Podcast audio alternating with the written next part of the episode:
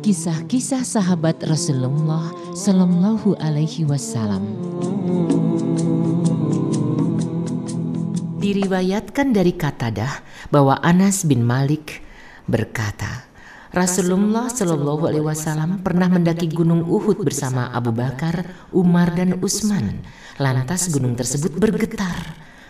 Pada saat itu Rasulullah bersabda, Tenanglah wahai Uhud, kalau tidak salah ingat, beliau menghentakkan kakinya padanya. Tidak ada siapa-siapa di atasmu, melainkan hanya seorang nabi, seorang asidik, dan dua orang syahid. Diriwayatkan dari Utsman bin Mauhab, seorang lelaki datang dari Mesir untuk melaksanakan haji. Lantas ia melihat suatu kaum sedang duduk-duduk. Dia bertanya, "Siapa mereka?" Mereka mengatakan, mereka adalah kaum Quraisy. Ia bertanya lagi, siapa yang paling alim di antara mereka? Mereka menjawab, Abdullah bin Umar. Kemudian dia berkata kepadanya, Wahai Ibnu Umar, aku ingin bertanya sesuatu kepada Anda, maka tolong dijawab. Apakah Anda tahu bahwa Utsman lari meninggalkan pasukan pada perang Uhud? Ibnu Umar menjawab, benar. Ia kembali bertanya, apakah Anda tahu bahwa ia tidak ikut dalam perang badar? Dijawab lagi oleh Ibnu Umar, benar. Kembali dia bertanya, apakah Anda tahu bahwa ia tidak ikut pada bayat Ar-Ridwan? Ibnu Umar menjawab, benar. Lelaki itu pun berkata, Allahu Akbar. Ibnu Umar berkata, kemarilah aku akan menjelaskan kepadamu tentang permasalahan tersebut. Adapun mengenai larinya beliau dari perang Uhud, sesungguhnya ia telah mendapat ampunan dari Allah. Tentang beliau tidak dapat ikut serta dalam perang Badar karena sedang disibukkan mengurus istri beliau, yakni putri Rasulullah Shallallahu Alaihi Wasallam yang sedang sakit, dan Rasulullah Shallallahu Alaihi Wasallam bersabda kepadanya, Sesungguhnya engkau mendapatkan pahala seorang yang ikut serta dalam perang Badar dan engkau juga mendapatkan bagian pada harta rampasannya.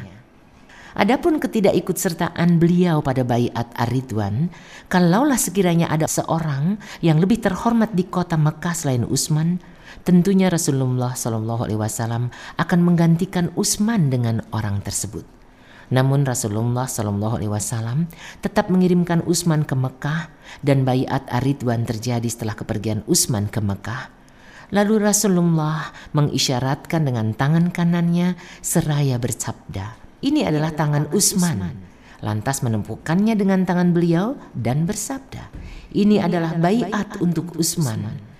Ibnu Umar berkata kepada lelaki itu, Nah, bawalah penjelasan ini karena sekarang engkau sudah tahu Said bin Al-As telah menceritakan kepadaku bahwa Aisyah istri Nabi Shallallahu Alaihi Wasallam dan Utsman telah menceritakan kepadanya bahwa Abu Bakar meminta izin kepada Rasulullah Shallallahu Alaihi Wasallam dan beliau sedang berbaring di tempat tidurnya sambil berselimut dengan selimut Aisyah. Rasulullah memberinya izin dan beliau masih dalam posisi semula.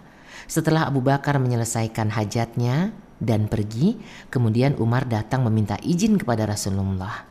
Rasulullah memberinya izin dan beliau masih dalam posisi semula. Setelah Umar menjelaskan hajatnya, dia pun pergi.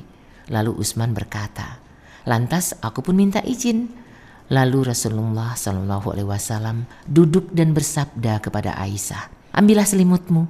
Setelah aku menyelesaikan hajatku, aku pun pergi. Aisyah berkata, Ya Rasulullah, aku melihat engkau menyambut Abu Bakar dan Umar tidak seperti sambutanmu terhadap Utsman.